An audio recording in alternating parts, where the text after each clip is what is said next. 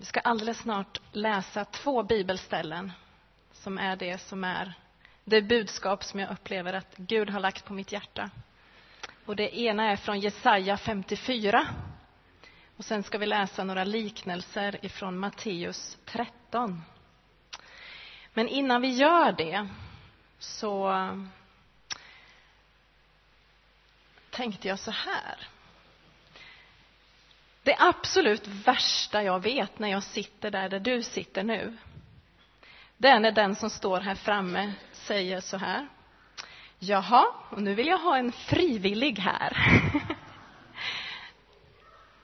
Men eftersom jag står här nu och inte sitter där du sitter så är det inte så farligt för mig. Eller hur? Det där när man känner att man liksom bara vill, man blundar och vill sjunka undan någonstans. Fredrik Andelius vid mixerbordet, du är frivillig. Han är ombedd faktiskt. Ja. Innan vi läser Jesaja 54 så ska vi få en liten illustration här som är väldigt talande till det bibelordet. Varsågod.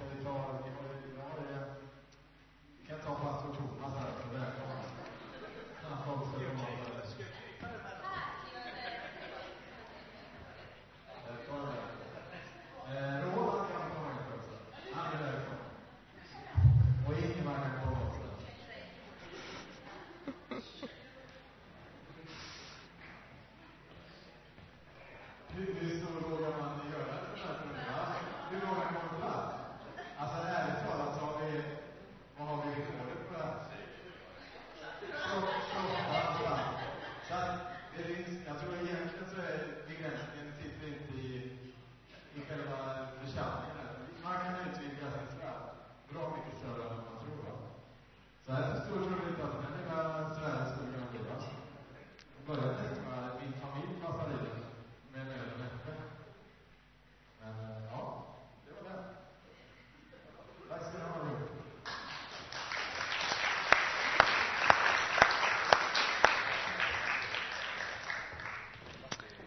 Tack alla frivilliga för det. En mycket talande bild. Nu slår vi upp Jesaja 54 och läser den andra versen där. Där står det så här. Utvidga platsen för din boning. Spänn ut tältdukarna som du bor inunder och spar inte. Förläng dina tältlinor och gör dina tältpluggar starka. Ty du ska utbreda dig både åt höger och åt vänster. En utmaning och en uppmaning om att utvidga, sträcka ut, tänja, förlänga med syftet att du ska utbreda dig både åt höger och vänster. Alltså tillväxt till för fler. Och allt det här går tillbaka till vers 1. Det här är alltså ett tilltal till den som har varit ofruktsam, inte fått några barn. Det har alltså inte varit någon fruktsamhet, det har varit fruktlöst, ödelagt, tomt, ensamhet, fattigt, utsatt, ett förtryck, fruktan. Och så kommer Guds tilltal in i den situationen om att nu är det dags. Nu utvidgar vi, nu spänner vi ut, nu tänjer vi. Nu ska det vara plats för fler, nu ska det komma frukt, nu ska det vara tillväxt. Det som var utdömt av människor, mitt där kommer tilltalet om att utvidga. Och det upprepar sig gång på gång genom Bibeln att det som i människors ögon inte ser ut som någonting, det utväljer Gud. Det verkar som att Gud, han älskar att av det som ser litet och ringa ut göra någonting stort. Han älskar att visa sin makt och sin kraft. Han älskar att göra under. Att visa vem han är, vad han kan göra. Han är en mästare att ge liv där det ser dött ut. Att ge frukt där det innan var fruktlöst. Det verkar som att Gud, han bara älskar att vända på alla våra begrepp. Och visa att allt det vi är, allt det vi har, allt det vi gör, det har med honom att göra. Det har med hans kraft, hans makt att göra. Det är hans nåd, det är hans kraft, det är hans makt som verkar i våra liv. Vi är så beroende av honom.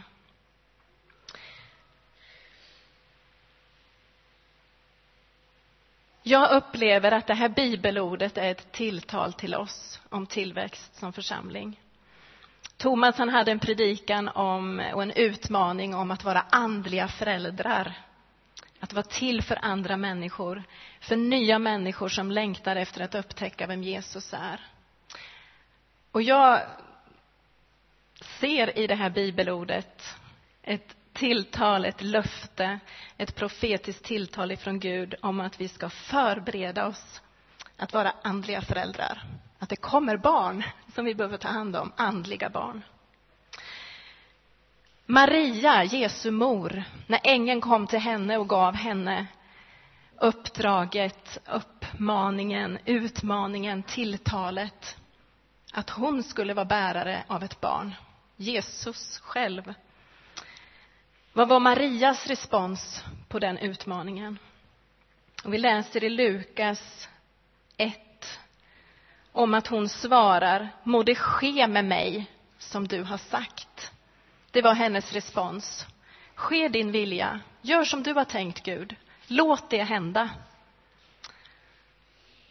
Och lite senare så frågar Maria, hon ger den här responsen, jag är villig, gör det, gör Gud på ditt sätt. Använd mig som du vill. Och så frågar hon lite senare, hur ska detta gå till? Hon vet vad Gud har sagt, vad Gud vill. Hon har gett sin respons. Men så undrar hon ju också samtidigt, hur ska detta gå till? Och då svarar ängeln henne, den helige ande ska komma över dig och den högstes kraft ska vila över dig. Och det är Guds sätt. När vi ger vår respons på Guds tilltal, det han vill göra i oss och genom oss, så är det på hans sätt sen som det går till. På det här sättet. Att när du ger ditt gensvar till Gud, det han vill använda dig till, för sitt rike, då svarar han dig att den helige ande ska komma över dig och den högstes kraft ska vila över dig. Det är genom andens kraft som det sker. Och vi ska läsa Sakarja 4 och 6 också. Det finns, jag tror det är bild nummer fem. Sakarja 4 och 6. Detta är Herrens ord till Serubabel. Inte genom styrka, inte genom kraft, utan genom min ande, säger Herren Sebaot. Vem är du, du stora berg? Inför Serubabel ska du förvandlas till jämn mark. Ty han ska föra fram slutstenen medan man ropar nåd, nåd över den. Och Herrens ord kom till mig, han sa, Serubabels händer har lagt grunden till detta hus. Hans händer ska också göra det färdigt och du ska förstå att Herren Sebaot har sänt mig till er. Ett tilltal till Serubabel som var med och byggde upp Jerusalems tempel igen efter att man hade återvänt ifrån fångenskapen. Och man stod i det här arbetet och Serubabel ledde det här arbetet. Men så mötte man på så mycket motstånd, så mycket kamp, så mycket påfrestningar. Åh, det var tungt, det var jobbigt. Och så kommer det här tilltalet ifrån Gud. Att det ska ske genom min ande, säger Herren Sebaot. Det är hans kraft det sker genom. Och Zerubabel han får löftet om att slutstenen ska föras fram, alltså det ska bli färdigt. Det ser jobbigt ut, det ser kört ut, men slutstenen kommer läggas dit. Bygget kommer bli klart. Och det är löftet till oss, till oss också, när Gud utmanar oss och är där och vill tänja och sträcka och dra ut oss så att vi har rum till fler. Då är det Gud som gör det med sin kraft, med sin ande. Men vi behöver vara villiga till att låta honom göra det. Och i det här, om vi tittar på det första bibelordet igen, om att utvidga, spänna ut, förläng, så står det också att när man gör det så ska man se till att när man har flyttat ut positionerna liksom, så ska de också göras starka, tältpluggarna. Alltså det är inget tillfälligt, utan nu behåller vi det här nya vi har förlängt. Och det står spar inte. Alltså håll inte tillbaka. Håll inte, man vill gärna spjärna emot om någon vill dra ut, men håll inte tillbaka. Behåll inte det lilla, stanna inte där. Gud kan göra så mycket mer. Men i det här när man upplever att Gud är där och tänjer och sträcker och drar. Jag vet inte om du har känt så i ditt liv. Jag har gjort det.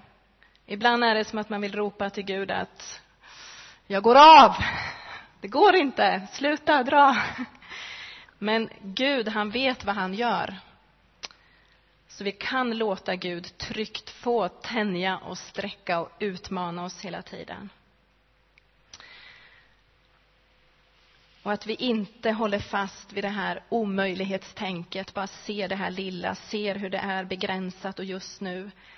Utan ser vilken makt, vilken potential Gud har, vad han kan göra för någonting. Den helige Ande, han spränger våra begränsningar. Han spränger mina begränsningar. Han spränger dina begränsningar. Om jag låter honom göra det. Vi behöver lära känna Gud mer och mer hela tiden, vem han är och hur han är, vad han kan.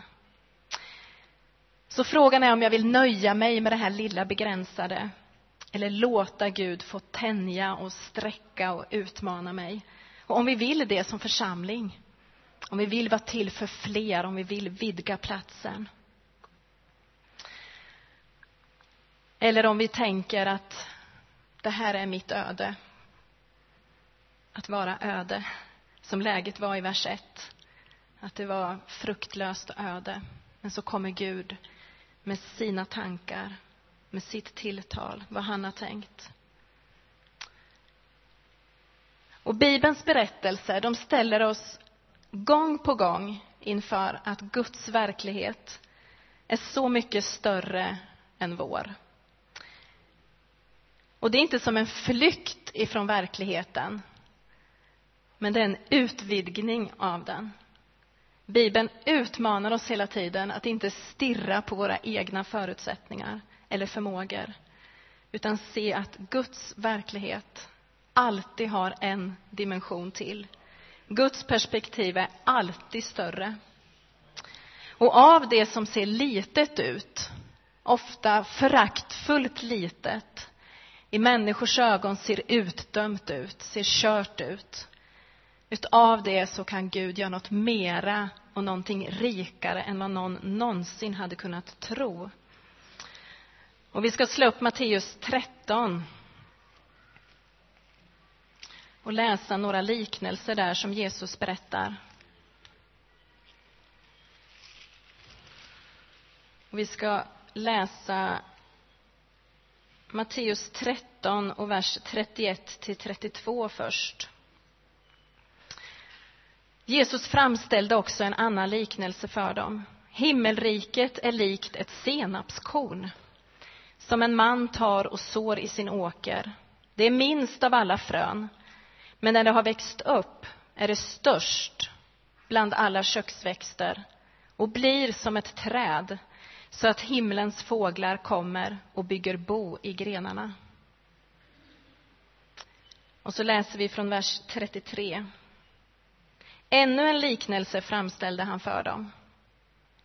Himmelriket är likt en surdeg som en kvinna tar och blandar in i tre mått mjöl till dess allt sammans blir syrat.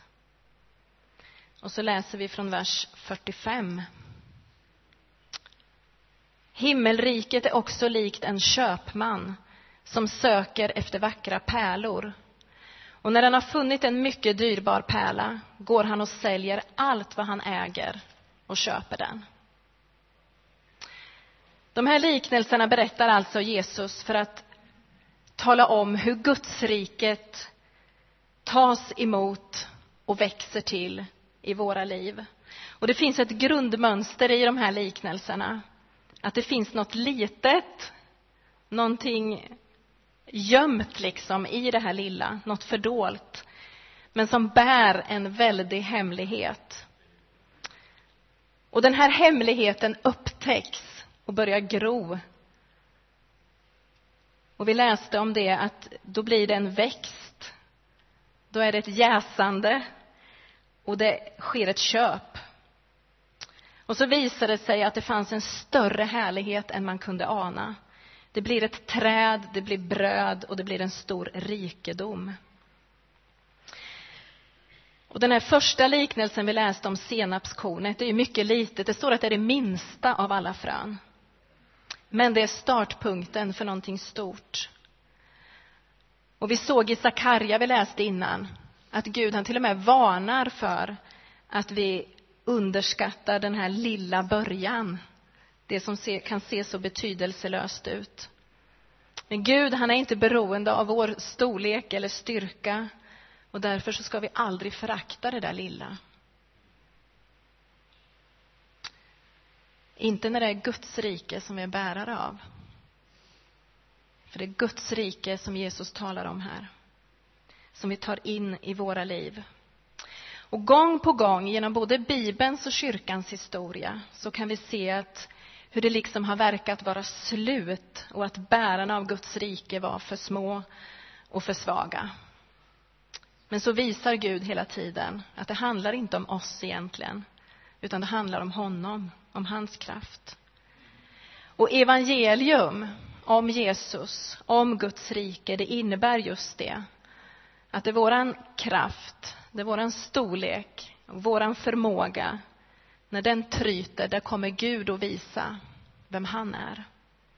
Vems kraften är. Evangeliet, Guds rike som vi får ta emot i våra liv. Det är som ett frö som visar sig ha en större inneboende kraft än vi först hade väntat oss. Och poängen med alla de här liknelserna, det är att det är större än man väntat sig. Större än man någonsin kunnat ana. Guds rike har alltid mer. Och jag tänkte att vi ska stanna lite vid den här liknelsen om surdegen. För Jesus han talar om hur Guds rike är som en surdeg som bakas in i mjölet. Och när Guds rike ska växa i våra liv och i församlingen, i vår verksamhet, så handlar det om att evangeliet bakas samman med det vanliga i våra liv. Alltså Gud, han liksom tränger inte undan det som är du och så fyller han på med sitt. Utan rakt in i ditt liv, in i din person, den du är, där kommer Gud med sitt rike rakt in i ditt liv. Och Guds rike som representeras av den här surdegen genomsyrar, arbetas in i hela ditt liv. In i varje område av ditt liv. Vi kan sätta på den där filmen där, tror jag. Jag vet inte hur många som bakar och vet hur det ser ut. Man har alla ingredienser, allt det här som är det vanliga, det vardagliga i våra liv.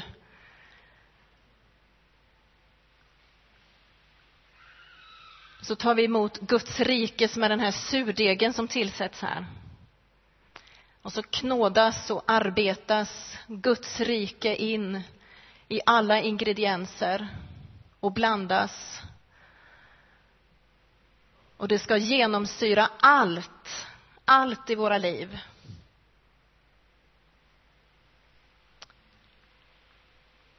Mjölet är ju kvar där. Det är detsamma på ett sätt, men det är ändå helt nytt. Och precis på samma sätt som det här mjölet förvandlas när det genomsyras så kan våra liv mitt i vanligheten bära Guds rike. Gud han kommer med sitt rike och vill genomsyra hela vårt liv. Men då måste allting genomsyras. Och därför så knådar och arbetar Gud med oss för att arbeta in sitt rike, allt det han är, det han har, in i våra liv. Allt ska genomarbetas, hela du, varje område i ditt och mitt liv. Och jag tycker det är så härligt i den här filmen, för han knådar och arbetar med den här degen. Men så ser man samtidigt ömheten. Han gör det så kärleksfullt med sina händer. Det är precis som Gud jobbar med oss. Han knådar och bearbetar. Och att Guds rike behöver genomsyra oss, det är ju för tillväxtens skull. Utan att Guds rike genomsyrar hela våra liv så sker ju inte den här processen utav jäsning, att det växer till. Men när vi har Guds rike i våra liv och Gud får arbeta in sitt rike i varje område, i hela oss, så sker den här tillväxtprocessen av sig självt. Alltså det ligger i Guds rikes kraft. Det som är precis som när du bakar bröd, det som gästen gör. Det som surdegen gör här. Som gör att det har en inneboende tillväxtkraft i sig. Gud, han vill ha mer utrymme i våra liv hela tiden. Och det här som tidigare bara var en massa lösa ingredienser när Gud kommer med sitt rike in i våra liv så får det bli till, ja där ser vi, aj, aj, aj, det där gör ont i våra liv när man knådar så. Men Gud behöver få jobba så med oss för att arbeta in sitt rike in i varje område av våra liv. Och så blir det till ett fantastiskt gott bröd. Ni vet hur det smakar när man stoppar in torrt mjöl i munnen. Du kan inte ta så mycket in i munnen. Det bara Jämför det med när Gud kommer med sitt in i våra liv och får arbeta in sitt rike i våra liv. Det blir ett välsmakande bröd som blir till för andra. Alltså det blir frukt i våra liv. Tänk vad härligt att få bjuda människor på nybakat bröd istället för torrt mjöl. Det är så Gud kommer med sitt rike in i våra liv och förvandlar dem som vi är, förstärker dem som vi är till det han har makt och kraft att göra.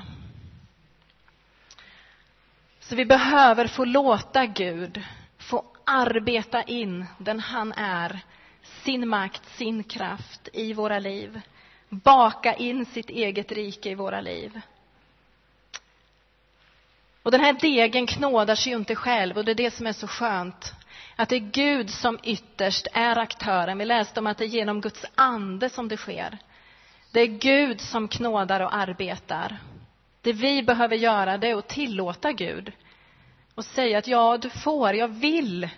Låt ditt rike komma, ber vi i bönen Fader vår. I fortsättningen när du ber den så kan du tänka knåda in ditt rike i mitt liv. Alltså låt ditt rike komma, genomsyra hela mig, varje del av mig, varje område av mitt liv. Jag vill inte stoppa något mjöl åt sidan, någon ingrediens som inte du får bearbeta, utan in med alltihopa. Och så in med den här surdegen, Guds rike, som genomsyrar allt och ger tillväxt. Att precis som den bönen Maria bad, alltså Gud gör på ditt sätt, låt det ske med mig, gör det du vill, gör det du ser behövs. Låt din välsignelse till andra få komma genom mig, genom mitt liv. Och trots att den här surdegen tillsätts i liten mängd så genomsyrar den ju hela degen när den får arbetas in på det sättet. Och så vill Guds rike växa i ditt och mitt liv och få ha en sån oerhörd betydelse för människor som vi möter och har runt omkring oss. Precis som det stod om senapskornet, att det blev ett träd så att himlens fåglar kom och byggde bo där. Alltså en tillflykt, en plats för andra människor. Så vill vi låta det lilla, som kan se så litet ut men som inte är det, som vi såg i den här illustrationen Fredrik gjorde. Det kan se så litet ut, men när Gud får vara där och arbeta med sitt rike i våra liv, så blir det till för fler som det är tänkt. Så vi får aldrig underskatta det lilla, det som ser litet ut i våra ögon. För kraften i ett aldrig så litet frö, när Gud är färdig, så kan just det få vara trädet som ger både skugga och vila. Och det är det som är så härligt att få ta emot. Att det ofta handlar om en väldigt oväntad tillväxt. Men sånt är Guds rike. Det är tillväxt. Där det såg utdömt ut, där det såg kört ut. Men Gud, han står för växtkraften. Och om du nu har den här bilden av surdegen som arbetas in och knådas in, jämför det med när du, när du står och har glasyr på en kaka. Den glasyren, vad gör den med kakan? Ja, i princip ingenting. Ja, den finns där som ett utanpåverk. Det ser väldigt vackert ut.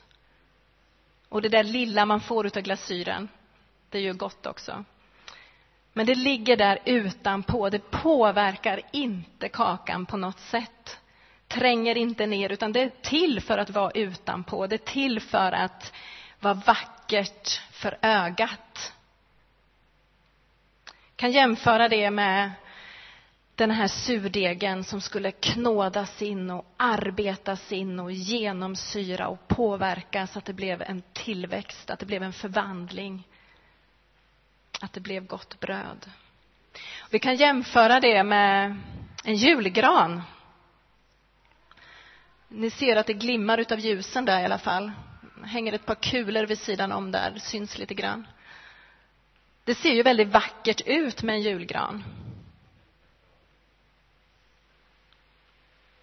Men varför finns det där vackra där? Det är bara för att det är påhängt. Någon har dekorerat och gjort det fint och vackert. Att det ska se vackert ut. Men det finns inget som helst liv här. Ingen växtkraft överhuvudtaget.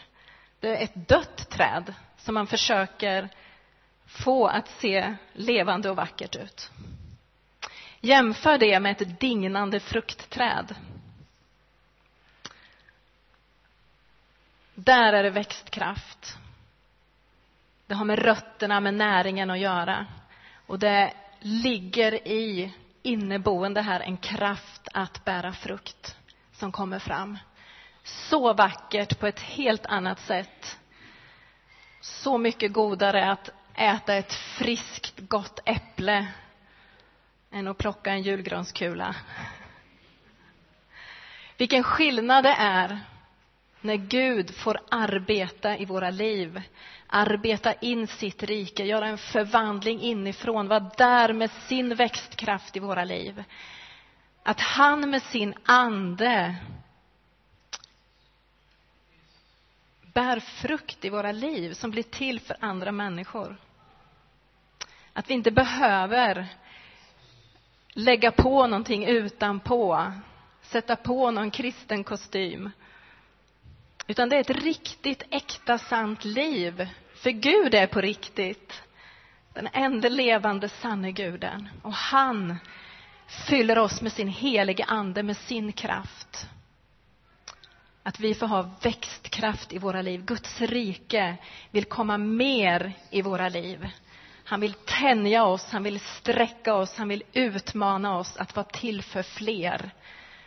Att vara till välsignelse för andra. Att det ska vara tillväxt i våra liv och tillväxt i vår församling som han gör med sin kraft. För hans rike är sånt.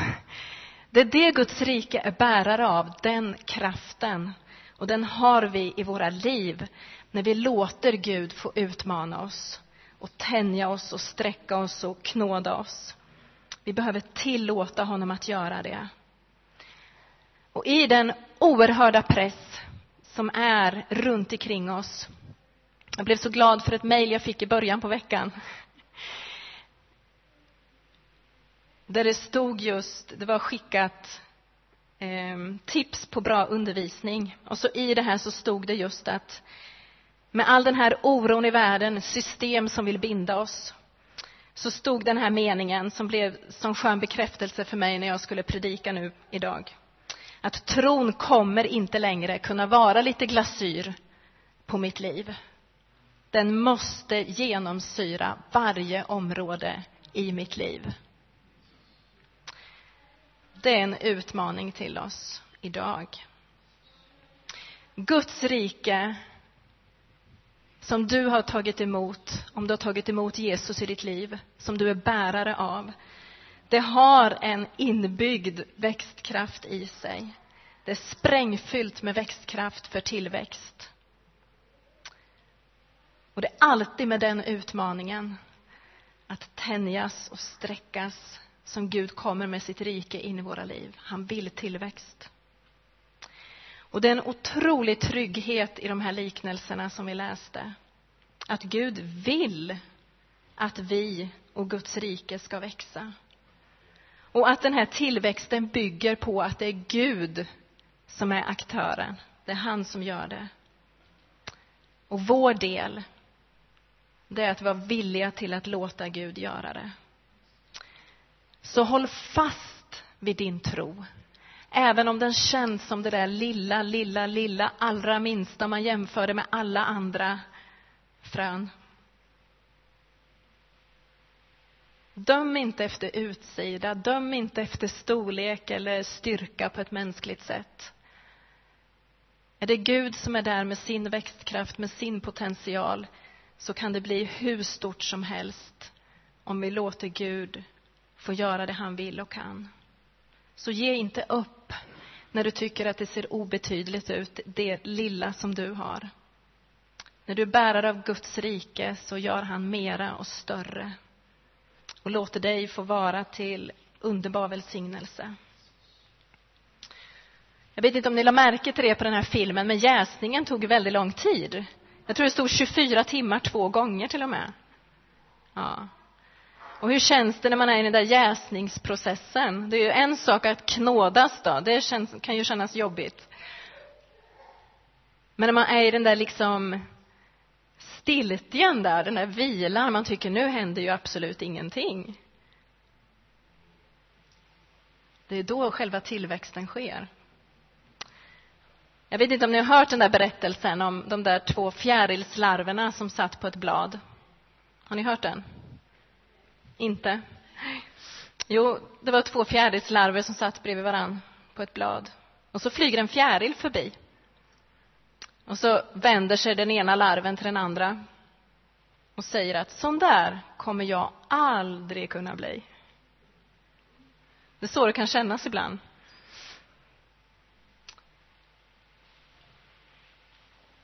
Men en fjärilslarv, även om man är i larvstadiet, blir ju en fjäril. Det är skapat så. Gud har lagt ner den växtkraften, den skapar förmågan ner i fjärilslarven. Att sen bli en puppa och så bli en fjäril. Och när man är i larvstadiet kanske det känns som att ja, men det där kommer aldrig kunna hända. Sån där kan aldrig jag bli. Men det Gud har lagt ner, det gör han. Och det som är nedlagt i ditt liv av Guds rike, det är sprängfyllt med Guds växtkraft. Det är Guds kraft. Så vi får bara ställa oss till hans förfogande och be att hans rike kommer mer i våra liv, i vår församling och i vår stad. Ja, Jesus, det är min bön, Herre.